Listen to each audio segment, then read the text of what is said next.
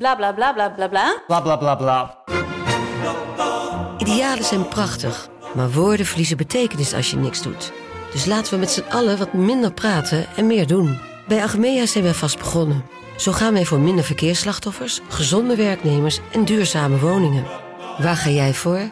Kijk op www.werkenbijagmea.nl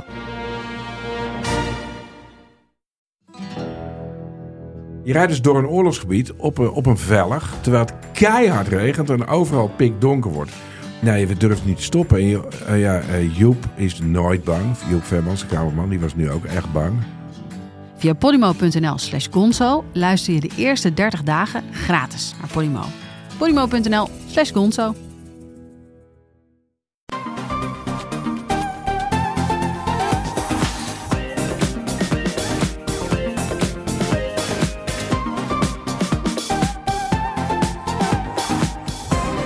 Welkom bij de Bright Podcast van donderdag 18 juni. Mooi dat je weer luistert. Zoals elke week praten we hierbij over de trending topics in tech. Ik ben Harm en aangeschoven vanuit eh, huis zijn Erwin, Yo.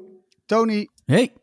en voor de eerste keer, daar is hij, Bastiaan. Hallo, het is de tweede keer, maar de eerste keer was jij er niet bij. Ja, oké, puntje. Maar ik heb hier lang naar uitgekeken. Ik zit eindelijk Anders met. Bastiaan vroeg op in één podcast. Episch. Fantastisch.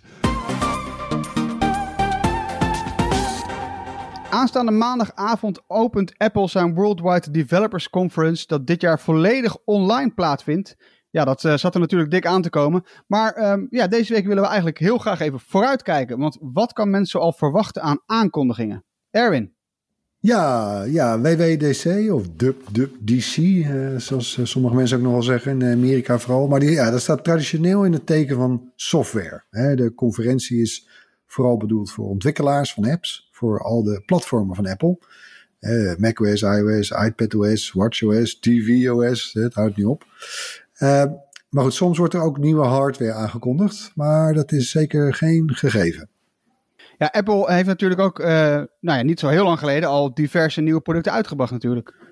Klopt, klopt. Ja, dat is even. eh, ik, wil, eh, ik wil er vanaf zijn of, of ik de volgorde goed heb. Maar achtereenvolgens een nieuwe iPad Pro, hè, een MacBook Air, de MacBook Pro 13 inch eh, en de iPhone SE. Maar goed, eh, ja, door corona is niks normaal. eh, dus ik sluit ook niet uit dat er toch wel nieuwe hardware eh, volgende week voorbij komt. Nou ja, dat zou natuurlijk eh, het tofste eh, zijn als dat gebeurt. Hey, eh, er zijn natuurlijk altijd geruchten. Waar wijzen, ze, waar- wijzen die geruchten nu eigenlijk op? Ja, een van de, de heetste geruchten eh, die de laatste dagen rondgaat, gaat over een nieuwe iMac. Ja, dat zou ook wel mogen, want eh, ja, het laatste ontwerp van de iMac stamt alweer uit 2015. En eh, de nieuwe iMac waarover de geruchten gaan, eh, zou dan dunnere schermranden krijgen. En qua design wat lijken op de iPad Pro, maar dan met een voetsteun. En ja, zoals vaak zie je dan allerlei mooie renders voorbij komen.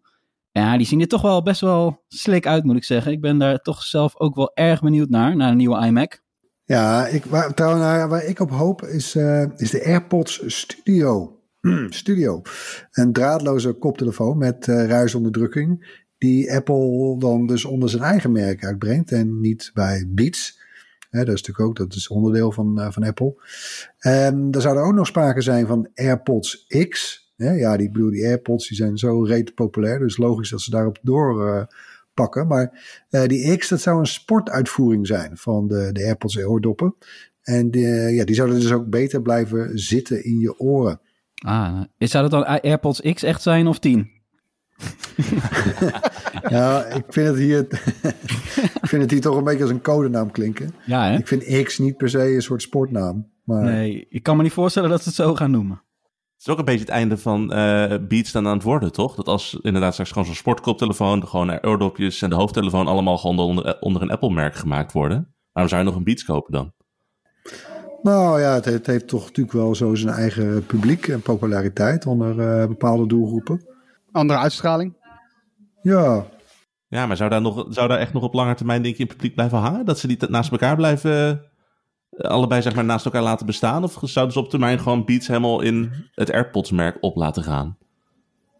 Eh, nou, je zult, ik bedoel, vergis je ook niet hoe lang merken mee kunnen. Hè? Ik bedoel, eh, Ko- Kodak bestaat nog steeds volgens mij, toch? Dat is ook al drie keer opgedoekt. Dat is maar waar. eh, ik denk niet dat ze daar haast mee hebben, eerlijk gezegd. En, eh, eh, maar ja, ik, ik heb wel eh, meer affiniteit met eh, hoe de producten van Apple eruit zien, althans de audioproducten, dan, eh, dan van Beats. Eh, niet alleen qua looks, maar ook hoe ze klinken. En we hebben ook veel eh, gehoord natuurlijk de afgelopen, nou ja, eh, eh, afgelopen maanden. En daar hebben wij het ook wel vaker over gehad. Die AirTags, gaan dat, gaat dat dan nu gebeuren, Bas? En het, het zou inderdaad kunnen. Ik geloof dat. Daar hoor je denk ik inderdaad al bijna een jaar of zo over. Dat zijn van die kleine apparaatjes die je dan bijvoorbeeld aan je rugzak of aan je portemonnee of aan je sleutelbos kunt vastmaken. En dan kun je in een iPhone-app kun je dan zien eh, waar die spullen dan zijn. Of je kunt ze een geluidje laten maken zodat je ze kunt vinden in je huis.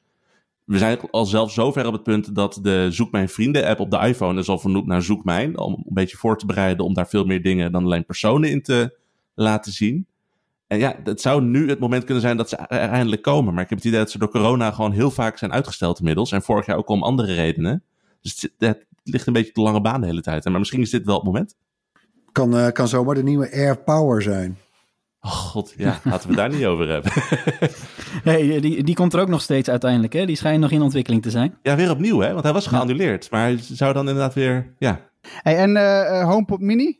Ja, de, nou ja, de naam zegt het al. Hè. Dat zou een eh, kleinere, goedkopere uitvoering van Apple's slimme speaker zijn. Eh, maar goed, mocht die worden aangekondigd en verschijnen, dan, dan is er maar zeer de vraag eh, wanneer die in Nederland uitkomt. Ik bedoel, de gewone HomePod wordt hier nog niet eens eh, verkocht door, door Apple hier in Nederland. Dus ja, dat, eh, maar goed, het zou wel leuk zijn. En dan even iets anders, hè? want eh, bij Apple events denken we natuurlijk best wel vaak. En zeker als je Apple niet eh, eh, op de voet volgt, dan denk je nou, een nieuw Apple event, dan zal er wel een nieuwe iPhone eh, eh, aankomen. Dat is op eh, WWDC eigenlijk nooit het geval, hè? Nee, nou, niet helemaal nooit. Maar dat is niet waar WWDC voor bedoeld is. Het is een ontwikkelaarscongres. Dus de focus ligt ook best wel op de software. Daar zullen we straks nog over praten. Er is wel een uitzondering. Hè? Dus in 2010, toen onthulde Steve Jobs de iPhone 4 op WWDC. Eh, begin juni toen. En eh, ja, dat, dat weten we misschien nog. Hè? Antenna Gate, zeg je dat wat? Ah, Ja. die telefoon verkeerd zouden vasthouden en dan eh, zou de verbinding eh, wegvallen. Ja, dat was echt eh, tijdens eh, WWDC, maar dat verwachten we dit keer niet hoor. Eh, de nieuwe iPhone 12, ja, dat normaal gesproken worden die in, eh, in september aangekondigd. Ja, die- dat is misschien zelfs uitgesteld dit jaar, toch? Omdat Ja, zou nog later kunnen worden, ja. Misschien zelfs oktober of zoiets. Dus nee, juni gaat het niet worden. Maar hebben jullie ook die, eh, die allernieuwste geruchten over de iPhone eh, nog meegekregen? Best sappig, hè? Die Apple zou werken aan een iPhone met een vouwscherm. Eh, er is weer zo'n patent opgedoken. Maar, of vouwscherm, beter gezegd eigenlijk een dual screen iPhone. Met een scharnier in het midden. Beetje zoals LG, LG doet met die, eh, die dual screen eh, cases. En zou je het willen hebben? Nou, ik zou wel. ik bedoel, ik, ik vond ook dat idee van, die van LG. Ik vond het eigenlijk helemaal niet zo heel, heel stom idee eigenlijk. En ik zou in dit verband dan ook wel erg benieuwd zijn. Wat Apple daar dan weer van maakt. Want die gaat dat natuurlijk toch weer even net iets anders doen. Ehm, dus nou, ja, kijk, het, was natuurlijk wel telkens nog de vraag van. Hè, met alle foutphones die we. en waar we het vooral eh, vorig jaar over hebben gehad. Eh, ja, we hoorden heel weinig uit Cupertino natuurlijk. En eh, nou hoor je daar natuurlijk eigenlijk sowieso, je, je moet het altijd doen met patenten en geruchten en, en lekken. Maar ja, gaat Apple nog iets doen met een, ja, een soort van vouwtelefoon? Nou, daar lijkt het dus toch wel op. Maar goed, het kan net zo goed eh, prima ook een soort studiemodel zijn. Eh, dat, daar heeft Apple natuurlijk ook wel een handje van. Die vragen heel veel patenten aan. Eh, maar dat is eh, verre van een garantie dat dan zo'n product ook daadwerkelijk op de markt komt. Precies, net als met de AR-bril. Er zijn ook al heel veel prototypes geweest, kennelijk. Ja, dan weten we het ook niet. Maar ja, goed, ik ben ook wel benieuwd. Binnenkort eh, komt Microsoft dus ook met zo'n dual-screen smartphone. De Surface Duo, hè? En die zou Ja. voor, ja, voor eh, begin augustus eh, er al moeten zijn. Gaan, eh, gaan de geruchten. En ja, dat lijkt dan een beetje op hetzelfde concept. En, en, en, maar dan iets beter uitgevoerd dan eh, bij LG, waar het scherm in een case zit natuurlijk. Ja, ik ben benieuwd. Wat je natuurlijk met al die opvouwtelefoons ook merkte, is dat ze. Er waren al heel snel verhalen over dat ze allemaal relatief snel kapot gingen. Dus inderdaad bij, bij Samsung en ook bij die Razer, die dan echt als een opklaptelefoon kon doen. Er kwam allemaal fel in de, in de scharnieren, omdat je zo'n flexibel scherm had. En hij bobbelde allemaal wat. En als je natuurlijk naar twee schermen toe gaat, kan me voorstellen dat gewoon, dan is het scharnier los van het scherm zelf. Dat gaat natuurlijk een stuk langer mee.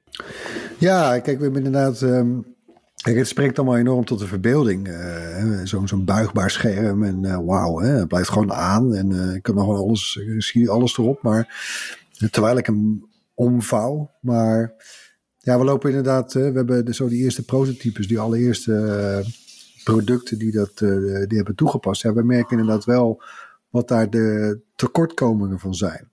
En het zou nou best zo kunnen zijn dat, dat zo'n soort dual screen benadering ja, veel duurzamer is.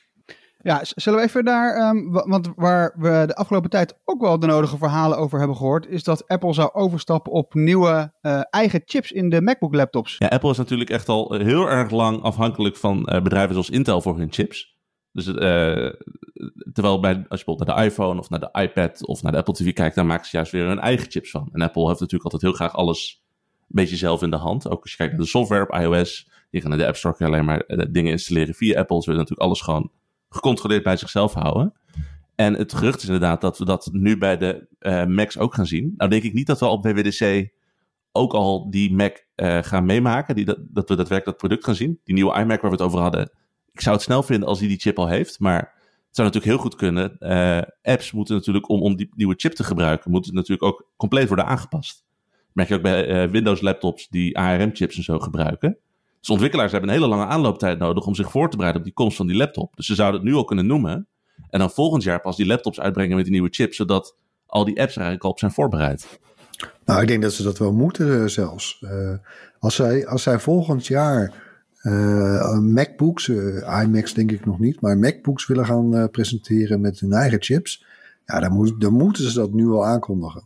Ja, ik denk het ook. Want ik zit te denken, we hebben bij eh, de iPhone zijn we ooit van 32 bits naar 64 bits processors gegaan. En dat ging toen geloof ik op best wel een korte termijn. Toen werd het inderdaad in juni aangekondigd, was in september die iPhone er al. Maar dat was natuurlijk nog wel dezelfde chip-architectuur eh, als daarvoor. Terwijl dit, dit is zo'n ander systeem. En het heeft ook allemaal voordelen op zich natuurlijk. Hè? Want zo'n eh, zo'n mobiele variant van zo'n chip, als hetzelfde als bij de iPhone gebruiken, kan een stuk energiezuiniger zijn.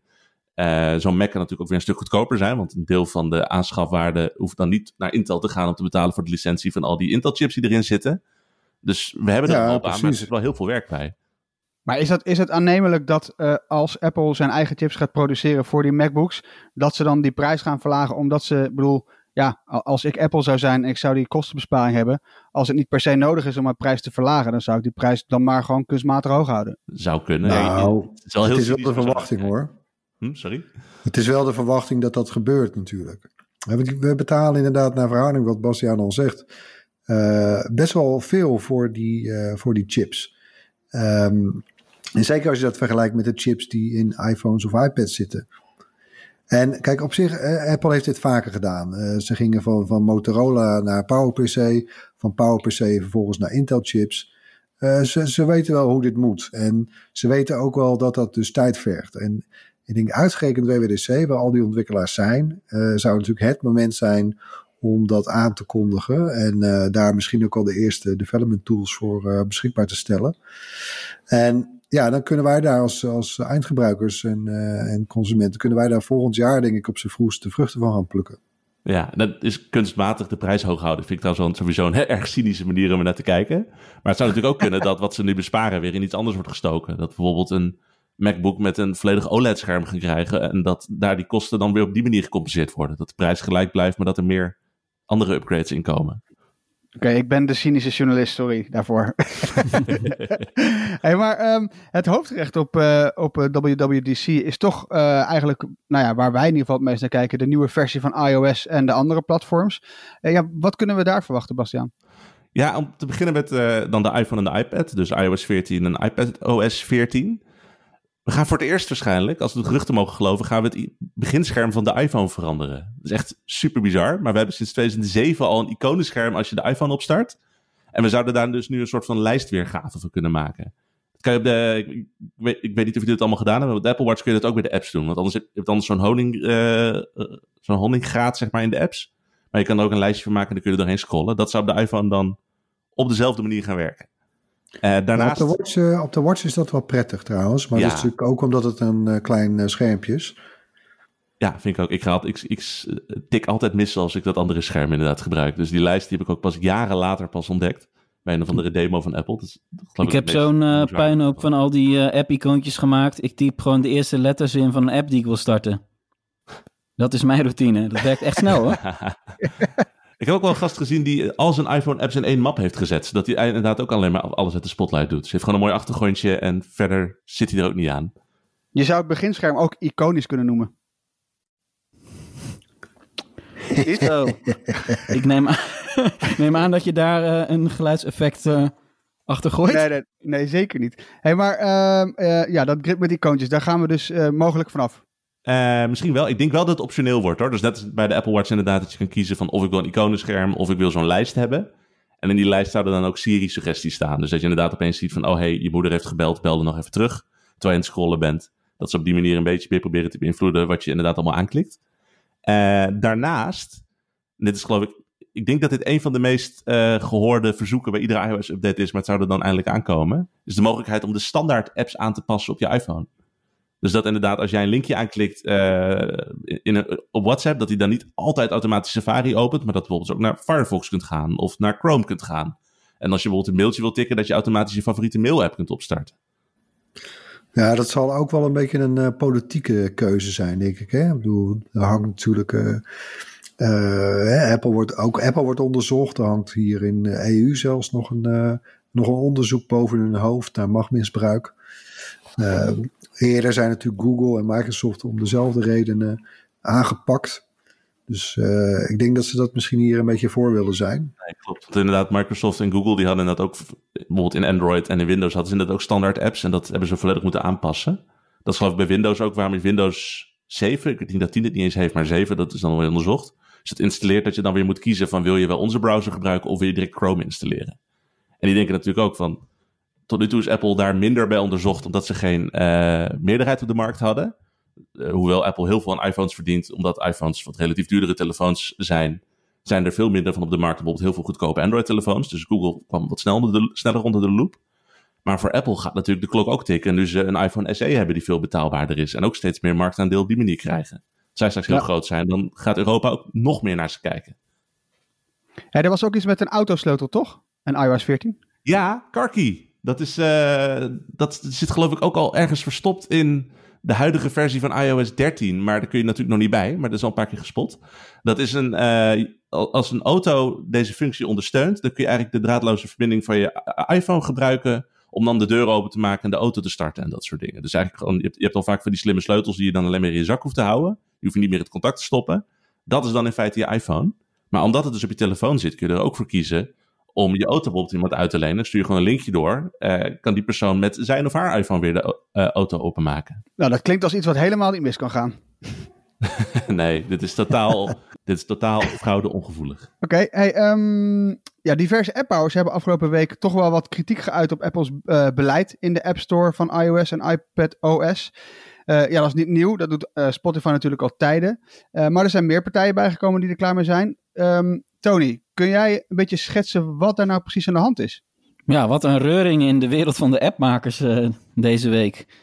Eh, dat is natuurlijk ook omdat WWDC eraan komt. En eh, ja, naast Spotify hebben we nu ook de Fortnite-maker Epic Games. En het Tinder-moederbedrijf Match Group. Die hebben ook geklaagd over Apples praktijken met de App Store. En dit zijn echt twee gigantische partijen. Die voor enorme bedragen aan omzet uit hun apps halen. Eh, Tinder was zelfs nummer 1 qua app, app Store omzet vorig jaar. Nou ja, Fortnite is natuurlijk ook huge. Dus die hebben echt wat in de melk te brokkelen. En veel van de kritiek van, van dit soort appmakers gaat eh, vooral over ja, dat ze betalingen eh, in hun apps op een andere manier ook willen kunnen verwerken. Dat het niet altijd via Apple gaat. Want Apple die vraagt in het eerste jaar eh 30% van de app-omzet en vanaf het tweede jaar 15%. En dat zijn bij ja, partijen als Epic eh, Games en, en Match Group, dat zijn gigantische bedragen. En dat heeft echt, eh, ja, da- daar uh, focust zich voornamelijk wel op. En het, het zijn niet alleen de, de grote jongens die klagen, hè. er zijn ook wat, wat kleinere appmakers die dan echt wel in de problemen komen. Deze week was het voorbeeld eh, van Basecamp. Die hadden een abonnement op hun eh, e-mail-app, genaamd Hey. Eh, dat kost dan 99 dollar per jaar en dan kan je dan op alle apparaten gebruiken. Nou, eerst is die iOS-app van Hey goedgekeurd en daarna werd hij toch weer op pauze gezet. Omdat ze toch Basecamp wilden dwingen om gebruikers te laten abonneren via de in-app aankopen. Ja, dat zijn zaken waar die Europese Commissie, eh, die dus deze week ook bekendmaken dat er een onderzoek komt eh, naar Apple en de App Store vanwege machtsmisbruik, echt goed naar gaat kijken de komende tijd. En wie weet gaat het dit keer eh, ja, toch misschien ook wel leiden tot meer dan een boete. We hebben natuurlijk vaker gezien dat Google een boete kreeg. Eh, maar ja, wie weet gaan ze toch ook wel wat een stapje verder. Dat er misschien toch echt specifiekere regels gaan komen. Omdat Zo'n boete, boetes... kan ook, zo'n boete kan ook gigantisch zijn nu, toch? Omdat we hebben nu Ja. inderdaad in Europa wetgeving die ervoor zorgt dat een aantal procent van de omzet van een bedrijf dat kan worden. Nou is Apple een vrij waardevol bedrijf die best wel veel omzet maakt. Dus dat gaat echt in de tientallen, misschien honderden miljarden voor mijn gevoel leiden of zo. Of heb ik dat verkeerd? Ja, het is, het is een maximum van 10% van de wereldwijde jaaromzet. Nou is die wereldwijde jaaromzet van Apple, zeg ik even uit mijn hoofd, 53 miljard. Oh, Oké. Nou ja, eh, stel dat het dus maximaal die 10% wordt, zou het dus kunnen gaan om zo'n een slordige, slordige 5 miljard dollar. Dat is, eh, oké, de, de, de, de tientallen en honderden die ik in mijn hoofd had, die waren iets te groot. Maar alsnog heel veel geld. Ja, Nee, maar, maar Harm, jij zit daar best wel diep in, toch? Als Brussel zo'n onderzoek start, het is bijna nooit de uitkomst dat er geen straf volgt, toch? Nee, ja, het, lijkt mij ook zeker met eh, zoals het nu eh, is, is gebracht, lijkt het me, nou ja, ik, denk dat Apple wel gewoon aan de beurt is. De vraag is alleen hoe ernstig eh, Margrethe Verstager, de eurocommissaris van mededinging, vindt dat deze, deze overtredingen zijn. Eh, maar tegelijkertijd kun- kan- kunnen ze natuurlijk ook opleggen dat Apple zijn gedrag moet veranderen op een manier. Ja. Om er dus voor te zorgen dat dat machtmisbruik voorkomen wordt. Ja. Ja, dat, volgens mij is dat niet houdbaar hoor. Dat lijkt mij ook niet. Nee. Nee, kijk, wat Spotify, het is ook een beetje een huilie, huilie partij hoor, vind ik wel. Maar goed, ze hebben daar toch uiteindelijk wel een punt. Dat, eh, kijk, zij moeten 30% afdragen. Maar ja, eh, doet Apple Music, hun meest geduchte concurrent, eh, ja, die doet dat niet. Dus ja, weet je, Ja. Het, het zit gewoon, dat, het klopt niet. Weet je, Ja, ja. Ik, ik snap Apple ook wel, weet je, ze zeggen natuurlijk in beginsel van, nou oké, wij hebben deze markt gecreëerd. Ze kwamen deze week nog naar buiten, inmiddels een, eh, eh, hoeveel was het nou? 500 miljard, een half biljoen aan, eh, aan omzet. Hè, en ja, wij, wij hebben die markt aangeboord. En als je bij ons daaraan mee wil doen, eh, je bent welkom, maar dan moet je volgens onze regels spelen. Maar goed, ja, dat gaat natuurlijk mank wanneer Apple vervolgens eigenlijk ook een, een appmaker is. Ja, ja precies. Het, het komt er, eh, ik vind die vergelijking met Spotify. eh, ik heb het er met, eh, met Bastiaan ook wel over gehad op Slack de afgelopen week. Maar ik, wat, wat zo typisch is, en dat argument van Spotify is natuurlijk best wel valide. Als zij dus inderdaad 30 of 15 procent moeten afstaan. Eh, dat betekent dat, eh, dat dat gaat ten koste van het geld dat Spotify verdient. Nou ja, dan zou Spotify hun eigen dienst 15 tot 30 procent duurder moeten maken. Dat betekent dat ze daarmee dus duurder worden eh, in die App Store dan Apple Music. Nou ja, en dat, ja, ik vind dat best wel logisch dat zij daar, daarover eh, aan de bel trekken eigenlijk. Maar dat is wel wat een hoop appmakers doen, hè? Die hebben de prijzen verhoogd op de iPhone. Dat geldt, dat geldt voor Tinder ook bijvoorbeeld. Die Nee, hebben de prijzen, Dat- dat prijzen verhoogd bij Apple. Ja. Maar het is natuurlijk ook een, een kwestie die echt al... Ik geloof dat ik in 2012, 2013 schreef ik al verhalen over eh, Amazon, wiens app gewoon heel lang opeens niet meer... eh, de Kindle-app mocht dan heel lang niet meer in de App Store staan. Omdat die... eh, daar, daarmee kon je e-books lezen die bij Amazon gekocht waren. Maar daar stonden referenties in dat je die bij Amazon kon kopen. En dat was niet de bedoeling. Want die app mocht dan alleen in de App Store staan als de boeken via Apples betaalsysteem waren gekocht. Ja, precies hetzelfde verhaal als dit. En Amazon was toen natuurlijk nog wel groot genoeg om daar ook nog het een en ander over te laten horen. En het is sindsdien, het is nu opeens weer een beetje aan het opleven. En ik denk dat nu dat Europese onderzoek er is, dat er ook opeens heel veel partijen zijn die eindelijk wat durven te zeggen. Nou ja, je ziet trouwens ook partijen die gewoon, eh, hè, bijvoorbeeld Netflix, eh, daar kun je niet langer in de iOS-app eh, een abonnement afsluiten. Nee, dat is ook een manier. Ja, ja, dat komt dus ook door het, door het verbod van Apple eh, om op een andere manier te verwijzen naar een plek waar je wel zo'n abonnement kan afsluiten, zeg maar. Dat mogen ze dus niet aanbieden in de app, Apple App Store, mogen ze dat niet doen. Nou, dat Eh, mag wel, maar dat moeten ze ook. eh, Precies. eh, dan moeten ze ook de manier via de App Store aanbieden. En Ja, dat, precies. ze hebben gewoon gezegd van nou oké, doen we het allebei niet. Ja, nee, maar, Netflix mag inderdaad helemaal geen referenties doen van... je kan hier geen apps kopen, maar wel op onze website inderdaad. En Ja. dat, ik, ik kan me inderdaad voorstellen dat dat bij Netflix geen heel groot probleem gaat zijn. Want Netflix is zo groot en iedereen weet wel dat je ergens naartoe kan... en uiteindelijk wel een abonnement hebt. Maar als je inderdaad een nieuwe appmaker bent... en je mag niet eens adverteren voor je eigen abonnementsmodel... omdat je het niet via Apple wilt doen... ja, dan, dan strandt die app ook al meteen als je uitkomt. Ehm, maar ik, ik, ik wil eigenlijk nog wel heel even terug naar eh, WWDC. Want we zijn nog wat vergeten. Namelijk de kleinere platforms. macOS, watchOS en tvOS. Ja, Verwachten we daar nog spannende dingen? Vuurwerk, Bas? bij de Apple Watch eh, komt waarschijnlijk één functie... waar ook al heel lang naar gevraagd wordt. Dus het wordt echt een soort van beurs... waarbij eh, alle, lang alle langlopende verzoekjes even worden ingediend, heb ik het idee. Maar er zijn geruchten dat we de slaaptrekking eindelijk in de Apple Watch krijgen. Dus je houdt je horloge s'avonds om en hij ziet wanneer je beweegt. En op basis daarvan zie je wanneer je diep weg bent of wanneer je licht slaapt. En op basis daarvan kan ook weer je wekker afgaan als je wat minder diep weg bent, zodat je wat beter wakker wordt. Klinkt heel gaaf. Aan de andere kant, ik weet niet hoe het bij jullie Apple Watches zit, maar Ja, wanneer laat je hem dan op? die bij mij laat s'avonds op. Want dan de, de- anders heb ik er de volgende dag helemaal niks meer aan. Ik hoopte al dat jij dit ging zeggen, Erwin. Want dat is precies ook mijn vraag. Hoe laat je hem op? Ja, Nou ja, kijk, je, beetje je, haalt, eh, eh, je gaat nog best een eind komen hoor, de volgende dag, maar niet de hele dag. En eh, ja, dat wil je niet. Dus ja, dat wat moet je dan doen? Als je dan wakker wordt en dan tijdens het douchen en ontbijten misschien? Of, eh, Ja, zou kunnen. Maar ik, ik vraag me af... eh, hoe, hoe lang heb je sowieso nodig om 100% te halen? Dan ben je toch wel even bezig. En als ik hem inderdaad even tijdens het douchen doe... Nou, dan, na een kwartier heb ik hem alweer om. Het, ik, Ja. het voelt alweer als gedoe op deze manier. Hè? Want als ik hem s'avonds weer oplaad, weet ik, opleg... Dat is gewoon van... Ik ga naar bed, ik leg hem op de oplader. Het komt allemaal wel weer goed. En als dit allemaal werkt, dan moet ik dus net gaan nadenken... over wanneer ik mijn Apple Watch ga opladen. Oké, tvOS, Tony. Ja, die krijgt natuurlijk ook een update. Alles krijgt een update. Eh, bij, bij tvOS eh, wat kleinere dingen. Hè. Dus ehm, wat dan naar buiten is gekomen dat er een, eh, een speciale kindermodus eh, komt. Dan kun je dus accounts toevoegen voor kinderen. En eh, daar kun je dus bepaalde restricties ook aan koppelen. Dus dan kan je bijvoorbeeld als ouder bepalen welke apps een kind zou kunnen openen. En, en ook welke films en series er bekeken zouden kunnen worden trouwens. En eh, allerlei andere opties op het gebied van ouderlijk toezicht. Nou, klinkt wel aardig. ja, dat is wel welkom hoor. Ja, tot slot dan macOS. Eh daar is eigenlijk relatief eh, weinig over eh, uitgelekt. Maar goed, ik verwacht dus wel dat eh 10.16, eh, de naam zullen, zullen ze ook bekend gaan maken. Maar voor een groot deel een teken zal staan, dus denk ik van die nieuwe chips. Ik denk dat dat eigenlijk het grote nieuws wordt rond macOS. Ehm we gaan het zien maandag. Zo niet gek om het daarbij te houden natuurlijk. Hè? Als je die ontwikkelaars al zo aan het werk zet om al die apps aan te passen.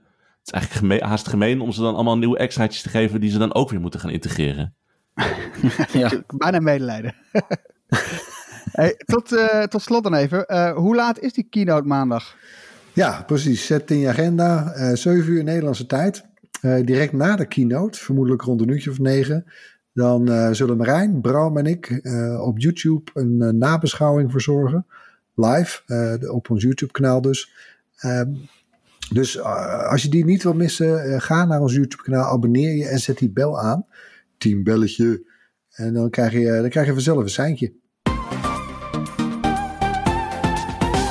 In het hoorspel laten we elke week een techgeluid horen. Laten we meteen het geluid van vorige week weer even erbij pakken.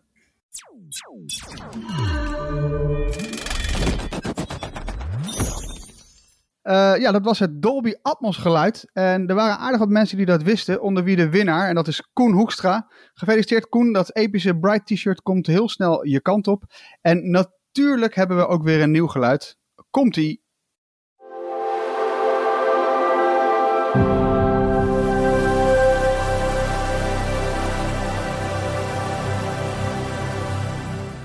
Ja, eh een van jullie drieën. Bekend geluid? Of nog een keer laten horen? Nog één keer. Komt-ie.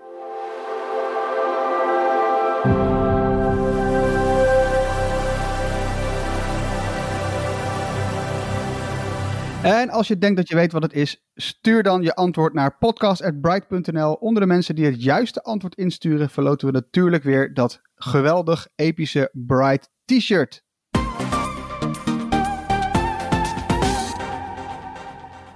Tijd voor een rondje opvallend technieuws van deze week. Het Amerikaanse ministerie van Justitie heeft het wetsvoorstel ingediend die techbedrijven verantwoordelijk moeten maken voor wat gebruikers plaatsen. Ook moeten ze transparant, zijn over het moderatiebeleid. Uh, ja, Facebook, Google en Twitter zouden hierdoor vaker aansprakelijk worden voor wat gebruikers online zetten en hoe ze daartegen optreden.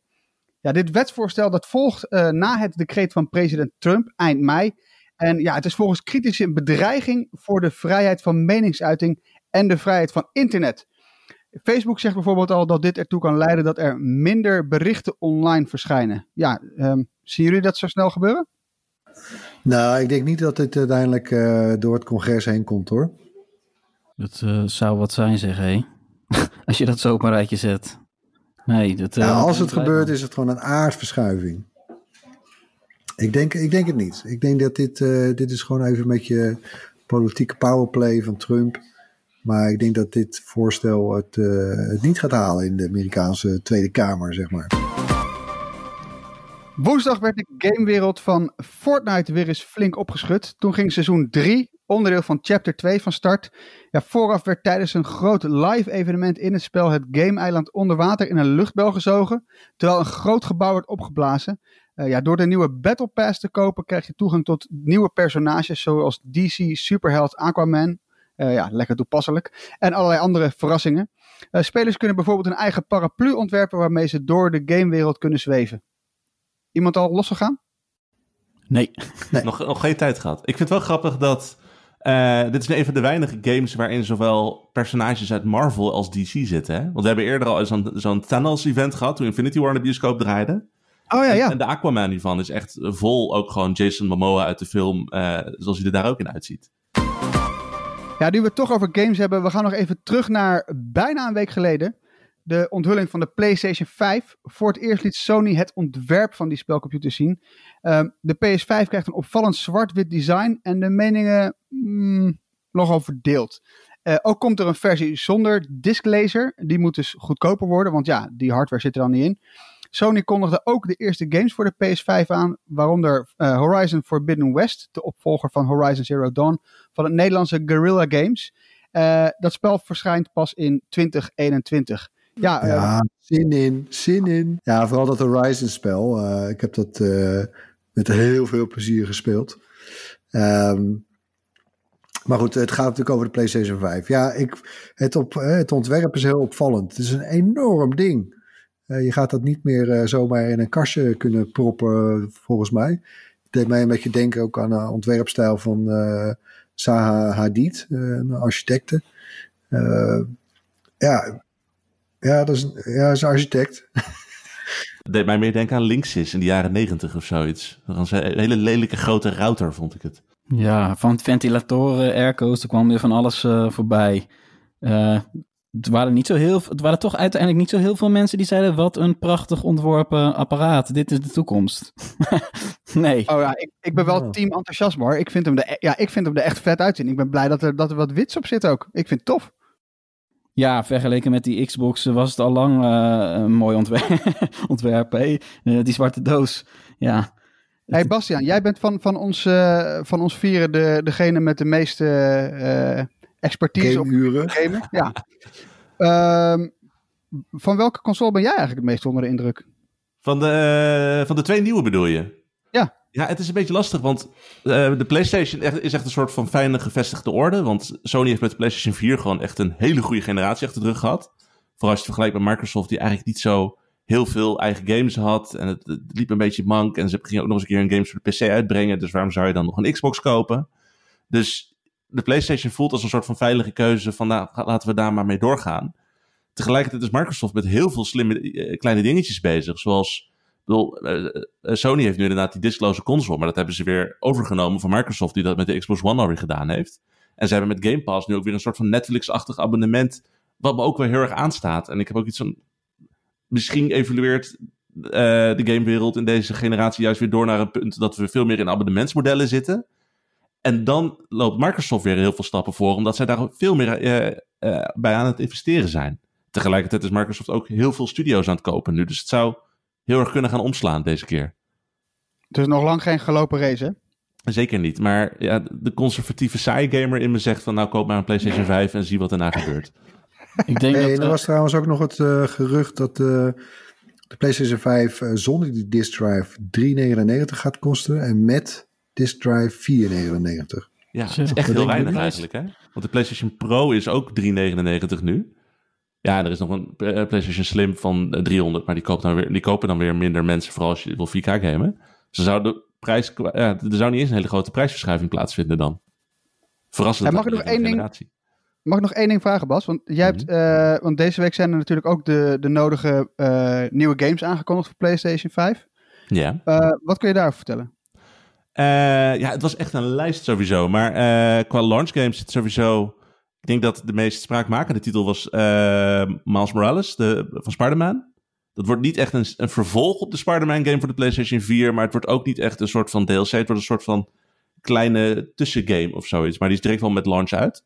Is er- die, ook, is die ook gemaakt door de makers van Ratchet Clank? Eh, ja, zeker. Van Insomniac. Zeker weten. Ja. We hadden Ratchet, Cla- Ratchet Clank kwamen ook nog voorbij. Dat zag er wel heel mooi uit. Met heel veel rare lichteffecten en dat soort dingen. Een beetje Pixar-achtige game eh, zoals het eruit zag. Over eh, dat je inderdaad een, een beestje speelt die inmiddels door dimensies aan het springen is en allemaal rare avonturen beleeft. Heel kleurrijk, heel gaaf. En je had ook nog, ik, ik ben even de naam kwijt, Ke- Kenu of Kena. Ik ben een van die twee namen. Dat zag ook een beetje Pixar-achtig en gestileerd uit. Eh, Ik zag ook wel een beetje wat, wat, wat indie-achtige titels voorbij komen. Ja. Dat zag er wel tof uit. Het is, ik had ook een beetje het idee, moet ik zeggen, dat Sony eh, vooral de grote hoeveelheid games pakte. En dan ook heel veel kleine titels om te verbergen dat ze niet echt heel veel hele grote klappers hebben. Want we hebben ze nu eigenlijk allemaal een beetje benoemd al bij het evenement. En er komt vast nog wel meer bij. Maar als dat is waar je de komende twee, drie jaar naar uitkijkt, is het nog niet superveel. Maar het zijn gewoon van die kleine titels die je gewoon tussendoor normaal zou spelen. Hey, ter afsluiting. ehm, we hebben tips meegenomen. En eh Bastiaan, aangezien dit mijn eerste keer met jou samen in een podcast is, mag jij voor mij beginnen. Oh, dat vind ik heel lief van je. Ik ga het weer over games hebben.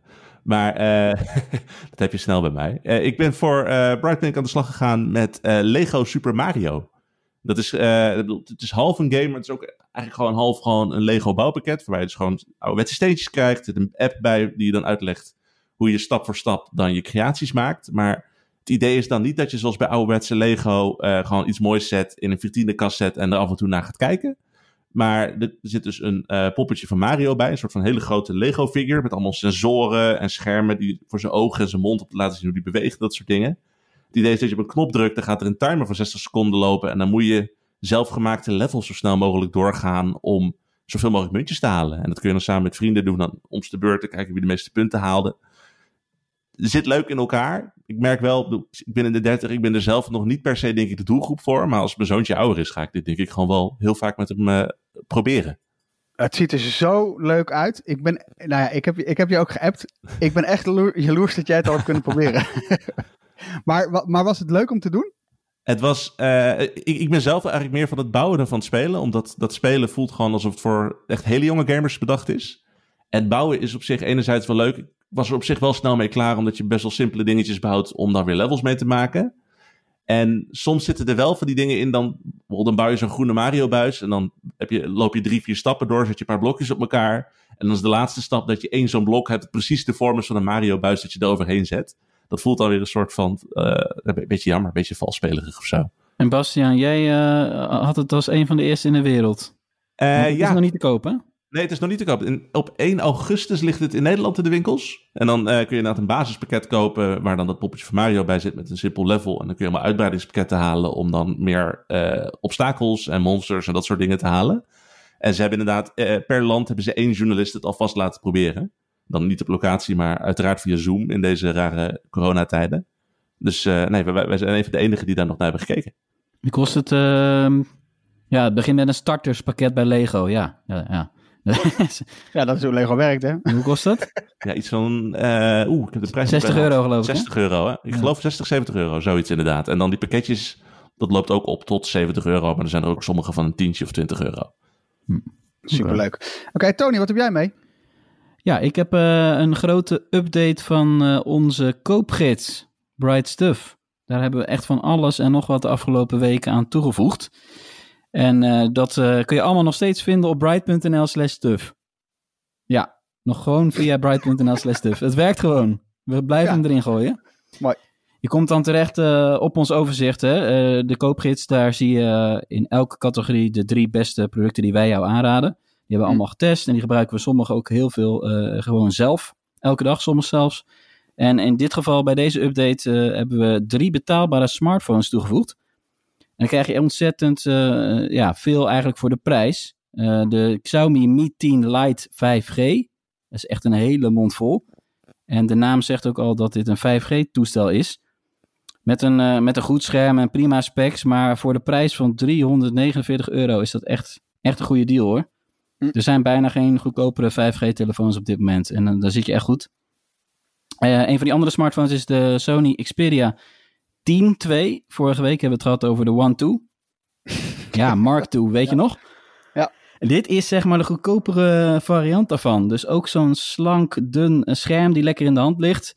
Eh, mooi design, 369 euro. Dat is ook een prima prijs hoor. En Ja. dan de Nokia 5.3. Die kost eh, zelfs maar 199 euro. En dat doet Nokia de laatste tijd echt goed in die prijsklasse. De budget smartphones onder de 250 euro. Daar hebben ze elk jaar wel echt goede toestellen. En de, de 5.3 ja, krijg je zelfs een viervoudige camera, een heel groot scherm en Android One. Dat eh, zorgt ervoor dat je drie jaar lang beveiligingsupdates kan verwachten. Nou, dat was een paar jaar geleden echt niet zo hoor, bij die allergoedkoopste telefoons. Dat je dat kreeg. En eh, nou ja, tot slot nog eventjes bij de laptops. Een hele verdiende nieuwe binnenkomer, de nieuwe Dell XPS 13. De, de nieuwe versie. Ja, dat is een lichte laptop, eh, geweldig scherm, toetsenbord is top, eh, trackpad is top, eigenlijk alles is goed. En dan de allerlaatste toevoeging aan Bright Stuff is eh, een tablet.